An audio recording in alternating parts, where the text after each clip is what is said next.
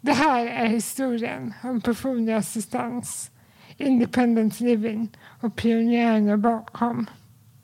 Det här är historien om stil. Det här är vår historia.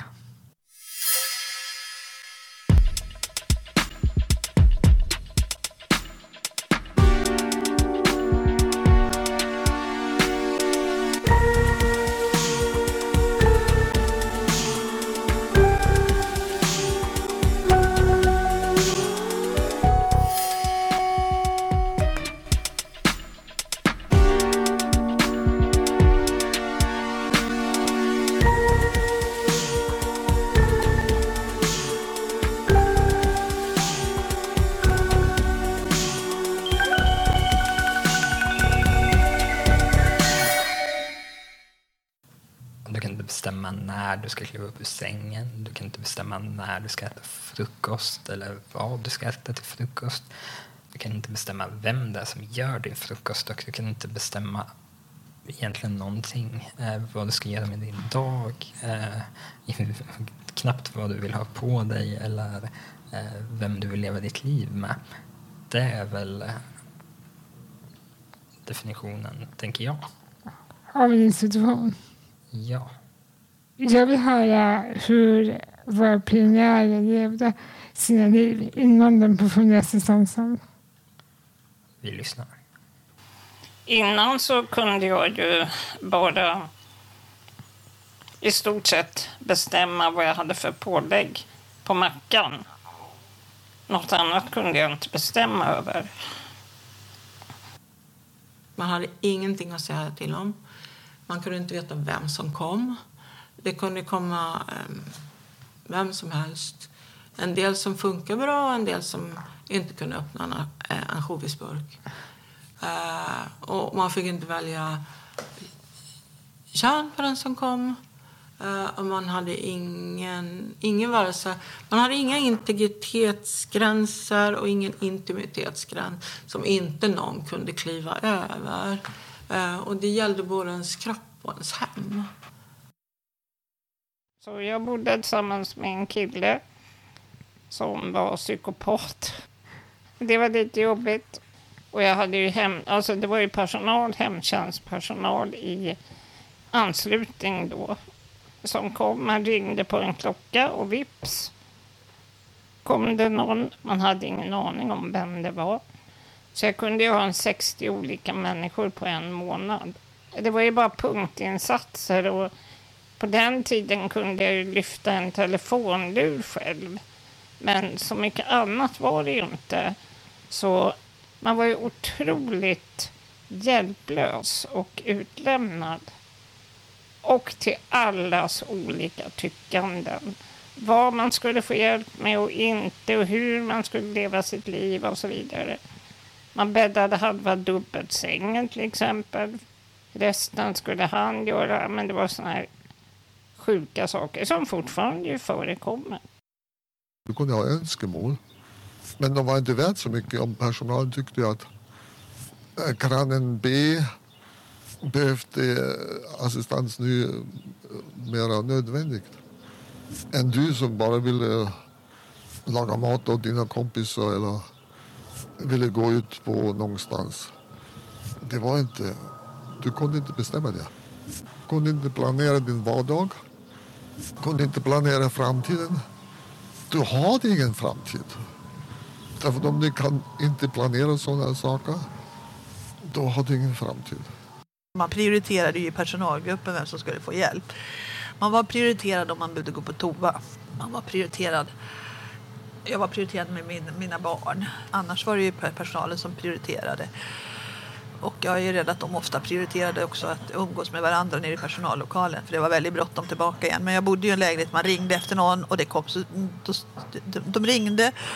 Man behövde inte alltid säga vad man ville ha hjälp med men om man ville att det skulle, man skulle bli prioriterad på något vis så var man tvungen att säga det. Men om man bara behövde hjälp så kunde man bara säga jag behöver någon så, så ja, det kommer någon sa de då bara. Man visste aldrig vem som kom. Men hur länge fick man vänta? Ja, det kunde ju röra sig om, alltså, inte sådär flera timmar men jag är jättedålig på att vänta överhuvudtaget. Jag hatar att vänta. Så det kunde väl ta en halvtimme, tre kvart skulle jag kunna tänka mig utan, om inte man ville gå på toa. För då fick man ju gå, fick man ju hjälp. Men då hade jag en kompis på den tiden som hette Annika Jakobsson. Som bland annat skrev tror jag, det första studiematerialet kring liksom att för hon hade assistans innan assistans fanns. Men hon brukar säga att för mig kunde det vara, sa hon, mer prioriterat att få öppna ett fönster en varm sommardag än att gå på toaletten. Men de prioriteringarna fanns ju liksom inte. Nej, så att, eh, så, att, eh, så, så levde jag och då var det också sådär liksom lite, ja för att bad jag om någon hjälp som var kopplad till den man jag levde med så fick jag alltid säga att det här har jag kommit överens med arbetsledningen om att det här får jag be om hjälp. För, för jag, det var ju viktigt också att inte man hela tiden skulle upplevas sig som en belastning för familjen Mm. utan att man också kunna få liksom vara med och bidra i familjen. Liksom. Så att, eh, men man blev himla bra på att motivera sin sak. Vi blev också himla bra på att slinka genom, smita genom systemet. För det var ju så här, det här med att det kommer någon kunde ibland innebära att det kom någon som man egentligen inte alls trivdes med. För det var ju inte så att man trivdes med alla. Vi hade inte styrt, även om man hade varit med och påverkat, så hade, vilket vi inte hade varit i och för sig, men det är ju inte så att man funkar med alla ändå. Och då blev det så här, kom det upp någon som man bara tänkte, nej gud jag såg inte ut att ha den här människan i mitt hem. Då hittar man på en sån liten meningslös grej som kan du göra det och det som tog två sekunder. Och så sa man tack för hjälpen och så gick de. Och sen så, så väntar man sig, som man själv bedömde, lagom lång tid. De gick ju på det rullande schema där nere, för man fick ju inte vänta för länge för då fick man ju samma människa igen. Utan man fick liksom tänka, mm, nu kanske det är lagom, nu ringer jag igen. Och hade man tur då så kom det någon annan som man förhoppningsvis trivdes med. Men ibland kunde det vara så att det kom någon som tänkte, åh nej, kommer hon, hon kan ju inte skala potatis. Eller jag står inte ut och ser henne skala potatis för det tar bara för lång tid, jag orkar inte med henne idag. Då kunde jag säga att nej, kommer du? Ja, då får det bli ris idag. Eller? Alltså, jag hade en människa som kom upp och sa Alltså jag blir så irriterad när jag går här i era lägenheter. De låg ju över varandra så de såg ju likadana ut. Alltså det ser ju likadant ut och skåpen och jag kan ju inte skilja på var folk har någonting. Så jag, jag tycker ni skulle ha sådana där lappar på skåpet så man kunde visste vad det fanns i dem. Nej, sa jag, det ska vi inte ha. Det här är våra egna hem, vi ska inte ha några lappar på skåpet. Du får väl fråga. Så att det, alltså hela den här institutionskänslan fanns ju. Det var ju så. Jag vet en gång när eh, vänta, min yngsta, min dotter var liten, då hade jag flyttat ifrån jag flyttade runt på flera sådana här verksam, eller boendesenheter som det heter. Hamnade slutligen då, den sista jag bodde på var i- i i Järfälla. Och då hade jag fått min tjej. Och då vet jag vid ett tillfälle, jag visste att de hade sina, ett möte, de hade en viss dag i veckan, när de, jag tror det var onsdagar. Och jag visste att de hade sitt möte, men hon hade gjort på sig. Och jag kunde inte byta på henne och hon var ledsen. Och ändå så väntade jag lite. Och så väntade jag lite.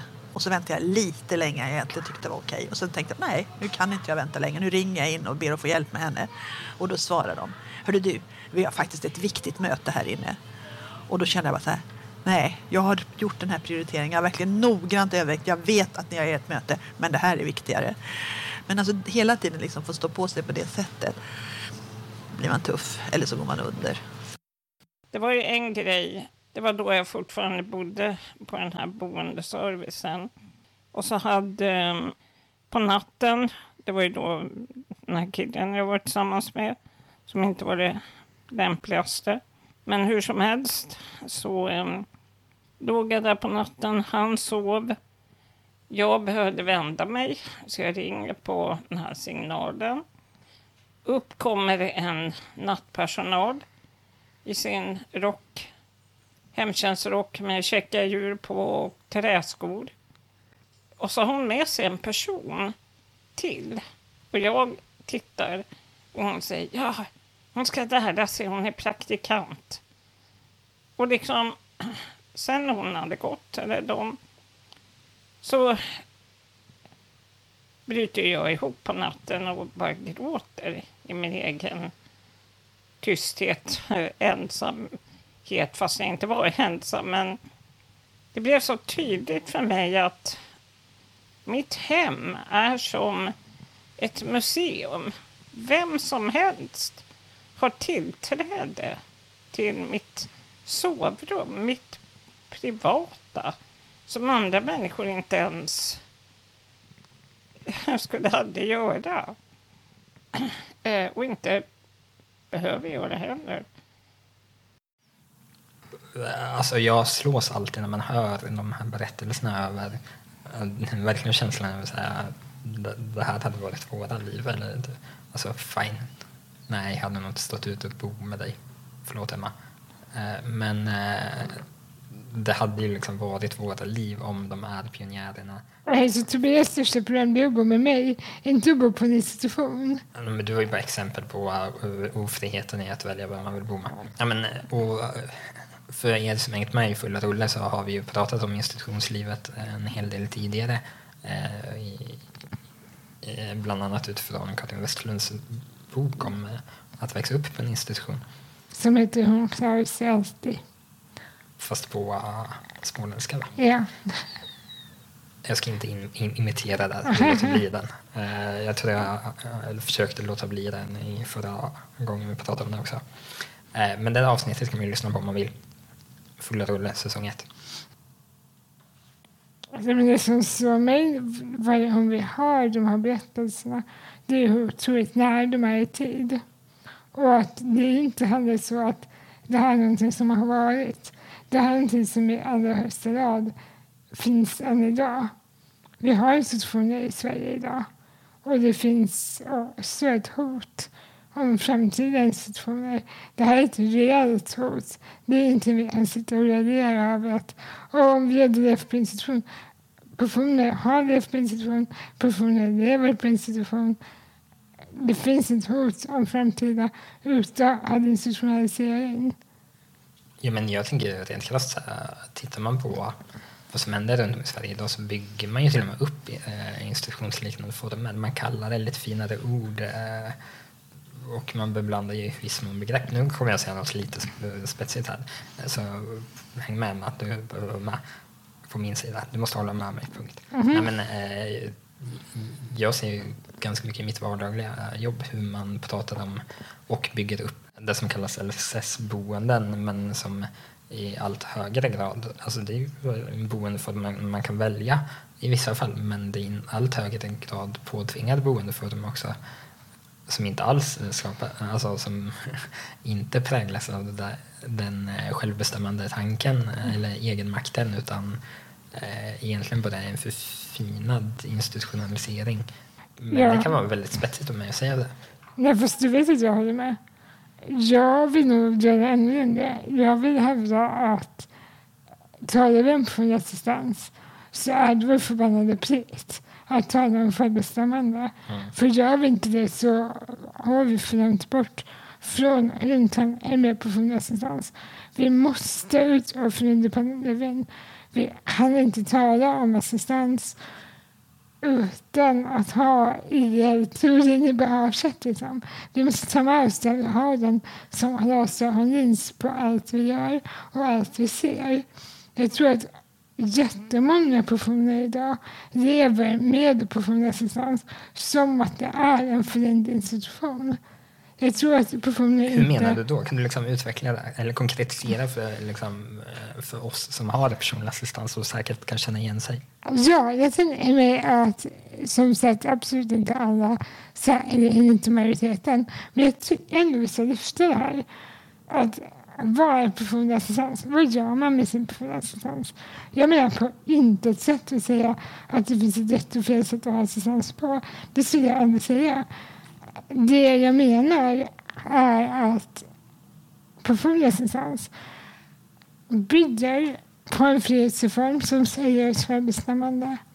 Det ska göra oss till självbestämda personer. Jag vill inte säga, det säger jag oss till personer som lever med fulla hands, det vill säga kan ta fullt, jag vill inte säga fullt ansvar, det det låter som ett krav och det låter negativt. Jag vill säga fulla möjligheter, full potential. Men någonstans är det ju också att du måste ta ansvaret.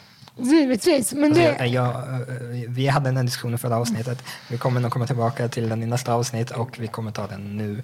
Alltså, Ja, för, du ska ta ansvar, men det är inte det. Jag vill inte runda diskussionen om personlig assistans på ansvaret. Jag vill inte lägga det på individen. Jag vill lägga det på samhället. Hur möjliggör man för alla personer, oavsett förutsättningar, att ta ansvar över sitt eget liv till sin egen förmåga? Och det är när jag säger att personer som lever med personlig assistans i vissa fall, i vissa situationer eller ibland ofta liksom, upplever att leva som en liten institution. Det är att du har inte fått möjligheten till att ta det ansvaret. Du har inte fått möjligheten att leva självbestämt. Du har inte förstått vad assistansen de facto grundar sig på. För att beslutsfattarna som har gett dig personlig assistans, de vet inte själva vad de håller på med. De bara pratar pengar och budget och timmar och minuter. Det är inte personlig assistans. Personlig assistans är inte hur många sekunder du tar för dig upp toaletten. Personlig assistans är livet. Det är livspusslet, det är livsglädjen, det är livssorgen, det är allt. Liksom. Förstår du vad jag säger? Mm. Så det jag menar när jag säger att personlig assistans kan kännas för vissa individer som att leva på en institution. Det är när den personliga assistansen inte längre är personlig assistans. När den är en... Det är inte ens en stödstruktur. Det är liksom ingenting. Det är bara personer som inte ens assisterar utan de hjälper dig. Jag hatar ordet hjälpa. För att hjälpa har ett, en passivitet i sig. Ja, men jag tänker verkligen att, eh, och, och det här återkommer ju väldigt mycket i diskussionerna från Stockholmskonferensen också, vad, eh, vad som är eh, självbestämmande och vem som har möjlighet till självbestämmande. Och, och där det är en ganska stor konflikt och spännvidd liksom fram och tillbaka. Och, och det är ju ingen som har egentligen ett enkelt svar på hur hur det formuleras i praktiken i vardagen. Eh, utan det är väl egentligen samma diskussion som du och jag brottas med nu som eh, brottades för 40 år sedan.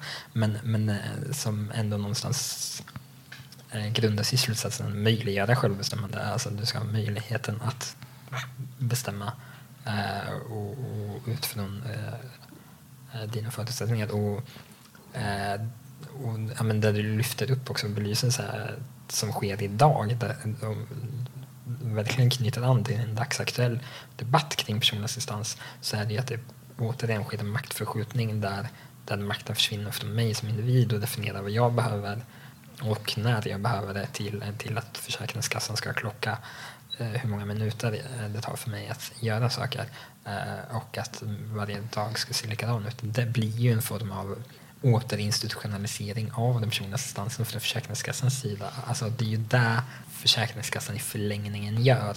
Man pratar inte om det på det sättet egentligen eh, idag, men det är ju de facto det som sker när Försäkringskassan ska lägga sig i och reglera allt mer detaljerade delar av utförandet av personlig assistans. Absolut.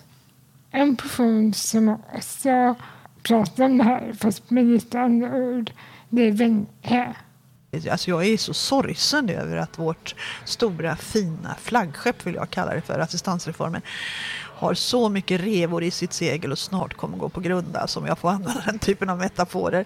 Men jag är så himla ledsen för det. Jag är så ledsen för de här eh, vidriga besluten som de här domarna tar som sitter i helt världsfrånvända och ska liksom tolka en lagstiftning som de tolkar utifrån sin, jag vet inte vad överklassingång eh, i, i livet. Alltså de lever ju på en, i, en, i en gräddfil själva och har ingen aning om vad, de, vad det handlar om. Jag, tänker som de här domarna som har kommit om att föra maten till munnen. Mm. Som de kraschade för att många då inte fick in eh, hjälp med mat och så i grundläggande behov. När det kom det här med intimitet och påklädning och man fick inte hjälp med ytterkläder. Nej, det tror fan det sitter en domare och tänker ja, det kan inte vara så konstigt att hjälpa någon med en kappa.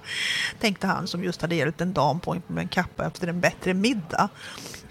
Jag, menar, det är liksom, jag tänker det är lite, lite skillnad på det och, än att, att, hjälpa mig på med en mössa så den sitter snyggt och få på lite vantar på mina sladdriga fingrar och en halsduk som känns bekvämt. Jag menar, då är man liksom innanför alla människors privata sfär.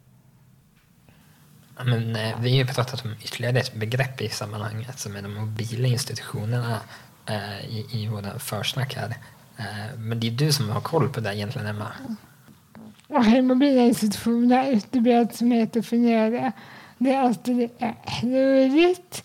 Um, det jag tänker är att det finns en otroligt bra illustration. Jag tror att det är från ett Emma Stiletten-nummer Eh, Skeletten är alltså Stils tidning som gavs ut under många år. Exakt. Eh, och eh, det är en illustration som föreställer en rullstolsburen person som sitter och tittar ut genom ett fönster. Det är ett ganska mörkt rum, det är ett fönster. På ena bilden har fönstret inga gardiner och på den andra bilden har det gardiner. Och det ena är en institution, det är utan gardiner. Och det andra är som fortfarande en institution, men med gardiner. Det här var alltså att förstå av bilden att personen befinner sig hemma i en hemmamiljö. Men institutionen är kvar på så vis att ja, du bor i ditt eget hem, men vad är ditt eget hem? Ditt eget hem är någon annans arbetsplats. Nu menar jag inte i form av personlig assistans som de facto också blir en typ av arbetsplats. Men, men jag tänker att det vi menar med en mobil institution det är när institutionen istället för att vara det här vi kan visualisera som ett stort hus du bor i eller flyttar in i eller blir insatt på snarare så är den mobila institutionen det när institutionen kommer till dig. Lite som en fotboja. Ja, så om den klassiska institutionen är fängelset så är den mobila institutionen Fotbojan, precis. Så att i då någon form av assistanssammanhang, jag vill inte ens kalla det assistans, det är inte det som är personlig assistans.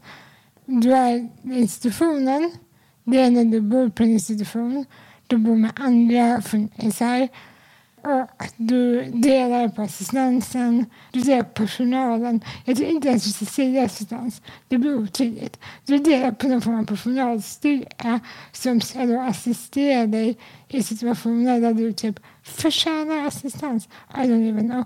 Men med mobil institution är när det här kommer hem till dig istället, till exempel i form av boendeservice, till exempel i form av hemtjänst. Du får utsatta tider. Du kanske ringer när du behöver assistans. Frågar du mig så är mobilinstitution och institution det är väl samma jävla bullshit. Det spelar ingen roll om det är som någon annan inreder hemmet eller om du inreder hemmet.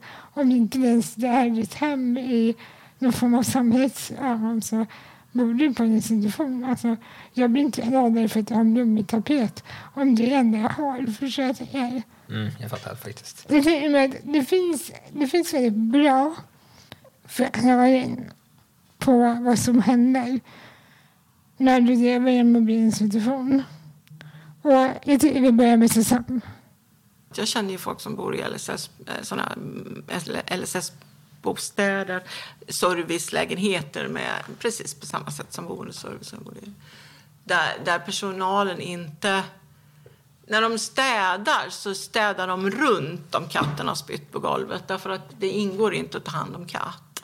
Om de går och handlar gemensamt, om man går med och handlar och man har rätt till det så, så kan du inte förhandla kattsand trots att du ändå är i affären. Du får inte ta det för att det ingår inte. Men det här det tycker jag blir liksom den intressanta definitionen också. Det som Susanne belyser kring eh, att själv bestämma hur och vad som ska göras och inte att man ska... Alltså, den den moderna institutionsformen som liksom ändå är väldigt utpräglad idag till exempel är ju hemtjänst. Eh, men de är ju väldigt, väldigt detaljstyrda eh, där vi gärna ska ha ett fastställt beslut från en vad det är, socialsekreterare eller något sånt som bestämmer vad du ska ha rätt till och få hjälp med. Medan eh, motsatsen då i, och vad jag tänker är liksom grundfundamentet i, i personlig assistans är att man själv bestämmer när, var, vad som man använder det till. För ett tag sedan aktualiserades det här ganska tydligt eh, i, i, i en, debatt, eller en tidningsartikel jag läste där eh, det var någon som hade fått sin eh, assistans för ett trädgårdsarbete bedömt utifrån lagstiftningen kring hem, hemtjänst där man helt enkelt nekades assistans för att ta hand om sin trädgård. Och jag, jag har ju ett nyodlat trädgårdsengagemang sen, sen, säsong ett och Fulla rulle. För de som känner mig privat så har man bara sett eh, mina eh, odlingar den senaste tiden. Så det här blev väldigt, väldigt nära mig. Eh, och jag använder ju min personliga assistans för att kunna vattna mina blommor. Liksom. Det är ju en grundförutsättning. Sen kan man ju diskutera huruvida mina blommor har blivit en institution i sig, men det är i alla fall min egen institution som jag har byggt själv. Den är lite charmig. Det är man inte får assistans till idag. Det som ska ifrågasättas. Det som, som ska bedömas som andra normaljävlar utan assistans. Liksom. Och ett, ett, vad är det du vill odla dina hur, hur, hur for you? Jag vill typ sminka mig. Jag vill ändå ha en foundation. Men då är det så här, nej det får du inte. Jag får få på min det typ tvätta bort den. För man får ta bort smuts. Och det är också en institutionalisering. Det är en institutionalisering av min kropp, mitt liv, mitt utseende, mitt jag, det jag presenterar inför samhället. Och det här är någonting som jag tänkte på som Vin också belyste väldigt väl. Och det var så fantastiskt när reformen trädde i kraft. Liksom jag, kompisar omkring mig började leva. Folk bildade familj. Man började sminka sig. Det var slut med mjukisbyxor och tubsocker och fläckiga tröjor. Om inte man valde själv att ha det. Nu blev Ja, det nervöst. Nej, du hade ingen fläckig tröja. Nej, men det var så, alltså många såg ut så, för det var ingen som brydde sig. Den hjälpen som man fick många gånger var ju rätt opersonlig. Vi fick inte ens fästa oss i varandra. Det hände ju till och med på den tiden för ja, 80-tal att man delade på folk. Alltså nej, men nu har du jobbat så länge så nu är det bäst att du slutar där så att inte ni blir fästa vid varandra. Så att eh, det byggde liksom på det helt motsatta än vad sen assistansen har byggt på. Tobias, finns det någonting bra med institutioner? Du bara kastade den frågan på mig. Alltså efter att ha grävt i allt det här materialet och, och, och för den delen lyssnat på väldigt, väldigt många berättelser så är det enkla svaret nej. Eh, det gör det inte. Det finns ingenting som är bra. Det, finns inte, eh, det går inte att försvara ur något rimligt perspektiv egentligen. Det är inte ekonomiskt försvarbart. Det är inte liksom självbestämmande för eh, den som utsätts för institutionaliseringen. Och det är för den delen ganska generellt sett dåliga villkor för de som jobbar inom institutioner. Eh, jag menar inte att eh, personlig assistans kanske är känd för att ha fantastiska villkor överallt, men där finns det eh, ja, men det sker ett möte mellan den som har assistans, assistansanvändaren och eh, den personliga assistenten som jag tror även assistenter i förlängningen uppskattar jämfört med institutionen. För att det sker ett möte, det sker inte en, ett utförande. Eh, det är två väldigt skilda saker. Eh, så slutsatsen blir ju att nej, jag tror fan inte det finns någonting bra med institutionen. Alltså inte ens om jag försöker du vet, eh, vara så här riktig machosnubbe som ska leka djävulens advokat och eh, försöka hitta något du vet, som eh, ni brudar inte har tänkt på. Eh, nej, jag kan inte komma på något då ens. Eh, för så här, samhällsekonomin eh, är ju sen... Alltså det förs sig fram ibland att de eh, goda institutionerna skulle vara ett billigt alternativ. Jag minns att Gunnar Wetterberg, eh, ledarskribent på Expressen, tror jag, Aftonbladet, minns inte, någon av de stora tidningarna, eh, vi för herrans massa år sedan förde fram en text som hette just att någonting med de goda institutionerna. Eh, Gunnar Wetterberg är väl idag mest känd för På spåret, tror jag. Eh, men Gunnar Wetterberg försökte argumentera för att de goda institutionerna skulle vara ett billigare alternativ till den personliga assistansen. Men han har ju fel. Eh, alltså, han har ju fel både ur den ekonomiska kalkylen och eh, att det inte existerar några goda institutioner. To be an institution now in the state of California costs for one year between fifty and a hundred thousand dollars for one person. It's a lot of money. Profit-making companies would like to take over our lives and tell us what's good for us. I fought hard enough to be independent. No company is going to take take me on and tell me what I need. When they do that, it costs fifteen dollars an hour because, of course, they have to have an administration. They have to be able to take the, you know, Social Security out and all these things that you uh, take out when you have an employee, and that's exactly what's happening. So we went in and we made the other argument: why not let disabled people do the, the administration? Why not let us learn from that how to pay Social Security? and pay the benefits that an employee would get, but we wouldn't charge you anything. We do it as a part of our normal life. so that we could have attendance. Well, we charged five or six dollars or seven an hour then. The difference was astronomical. You could you could have twice as many or three times more people working as attendants than with the companies. But the other thing we found was that this program, this attendant care program, was a wonderful jobs program. That 125,000 people are employed by the attendant care program in California. That's a lot of people. Just pengar har vi pratat om jättelänge. Och jag tänker att det här som vi precis hörde, det är ju alltså det är från 80-talet, så siffrorna ser helt annorlunda ut idag. Men de facto så stämmer kalkylen bara det att siffrorna förändras. Och det är så här, jag vill inte sitta här och prata pengar, det är inte därför jag är här. Jag är här för att prata självbestämmande. Men det, är ju ändå, han var en bra grej att nämna. För att folk gillar att prata pengar när det kommer till människovärde av invalider som det brukar vara.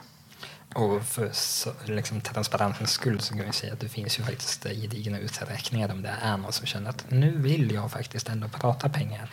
Så, Hör av er så kan ni få lite uträkningar. ja, det finns liksom ändå Ja, det finns så- eh, bra underlag för det här Absolut. eh, som bevisar att eh, vi är rätt.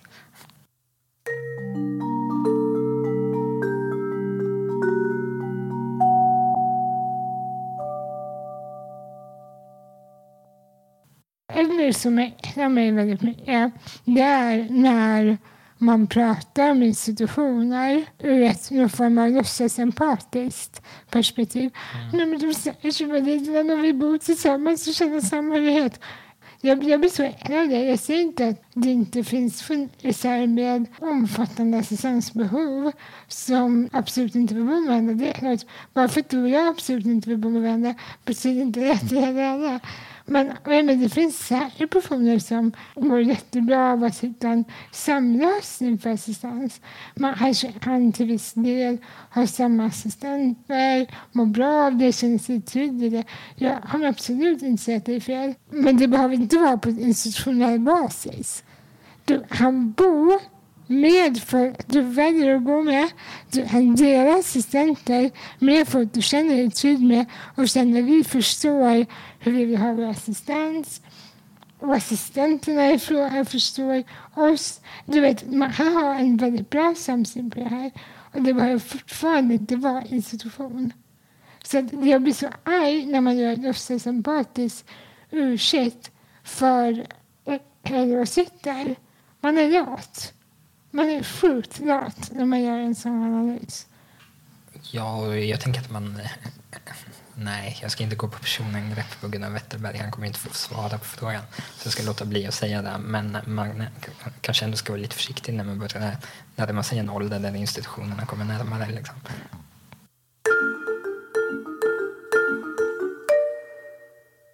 Okej, vi har konstaterat hur eh, verkligheten såg ut före, före eh, den personliga assistansens införande i Sverige.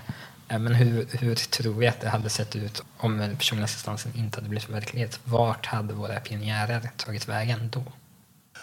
Jag tror att jag hade trivts ganska dåligt i livet. Jag hade ju ingen aning om om jag kunde ha jobbat eller inte. Jag, jag vet inte var jag skulle ha bott. Det som, det som jag tycker är det hemskaste med det här med institutioner och så, huruvida, det är förmodligen ännu värre om man verkligen blir inlåst. Men även de här mobila institutionerna som hemtjänst och boendeservice och så. Det de gör med en, det är ju att de får en och, och in, alltså institutionen går in i, i huvudet på en. Och den, den fastnar där för att du tappar bort, du förstår inte vad du kan välja. Så jag fattar ju inte hur jag kunde leva. Utan jag hade ju assistans och så fick jag bestämma vem som kom och på vilka tider. Men jag fortsatte ju ganska mycket att leva som jag levde innan. Liksom. Och det gick ju upp för mig långsamt liksom att man behöver inte liksom skriva en handlingslista som utgår ifrån vad man absolut är säker på finns på ICA. Utan man kan gå dit och se själv. Liksom. Man behöver inte alltid bara skriva potatis, gul lök och morötter därför att, därför att man ska vara säker på att få hem någonting. Man kan gå med och handla. Det tog mig jättelång tid. Jag var också så pass svart inombords efter den här lite dryga decenniet med boendeservice. Jag var så alltså, hatisk skulle jag vilja säga att jag var. Riktigt hatisk. Mot det som gjorde en, men också mot mig själv. Alltså det, det vänder ju liksom. Det blir ju... Alltså man, man har inte, inte verktyg till att fatta vad det är. Så till slut hatar man allt. Man hatar situationen, man hatar personerna i det, man hatar sig själv, man hatar allting. Och man, man vet egentligen inte att man hatar utan man bara lever i den här becksvarta bara ilskan. Som när som helst kunde bara explodera liksom. Bara det här att få en besvärlig förkylning. Jag hamnade på sjukhus i eh, två veckor för några år sedan. Och utan min familj och assistenter så hade jag inte överlevt. Det var ingen jävel där på sjukhus som brydde sig om mig. De skrev barriärvård på dörren för jag hade influensan. Och sen tack och hej leverpastej. På sätt och vis tycker jag det är synd att man har avskaffat de gamla institutionerna med flera hundra inneboende. är, Inte att jag vill tillbaka. Nej, men som en slags um, påminnelse, monument om hur det kan vara och hur det är i andra, några andra länder. Jag skulle jag gärna sett att man hade behållit en av de stora institutionerna och satt dem in på Skansen tillsammans med eh, kungahuset. Eh, ett miniatyrslott slott och en miniatyrinstitution till exempel. För att visa hur det går till där. Så man kunde göra studiebesök och se hur man gjorde i förr i tiden. Någonting man kan hänvisa att så här är det väl inte tänkt.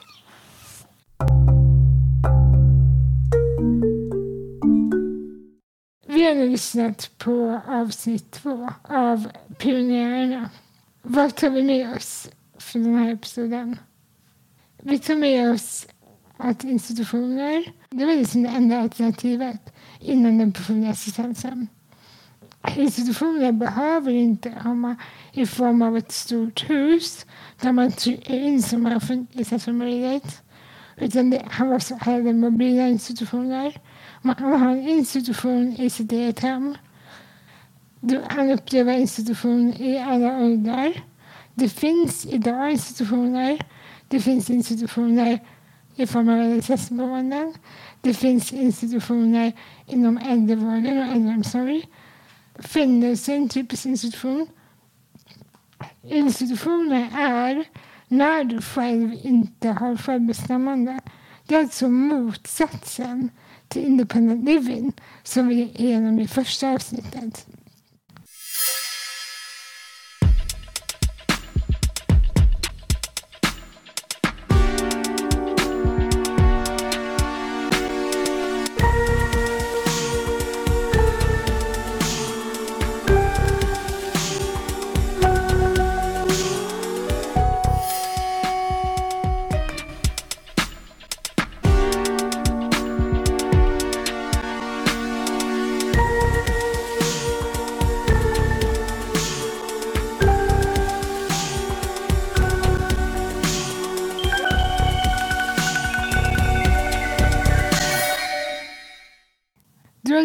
På STIL, Stiftelsen för Independent Living i Sveriges poddserie Pionjärerna.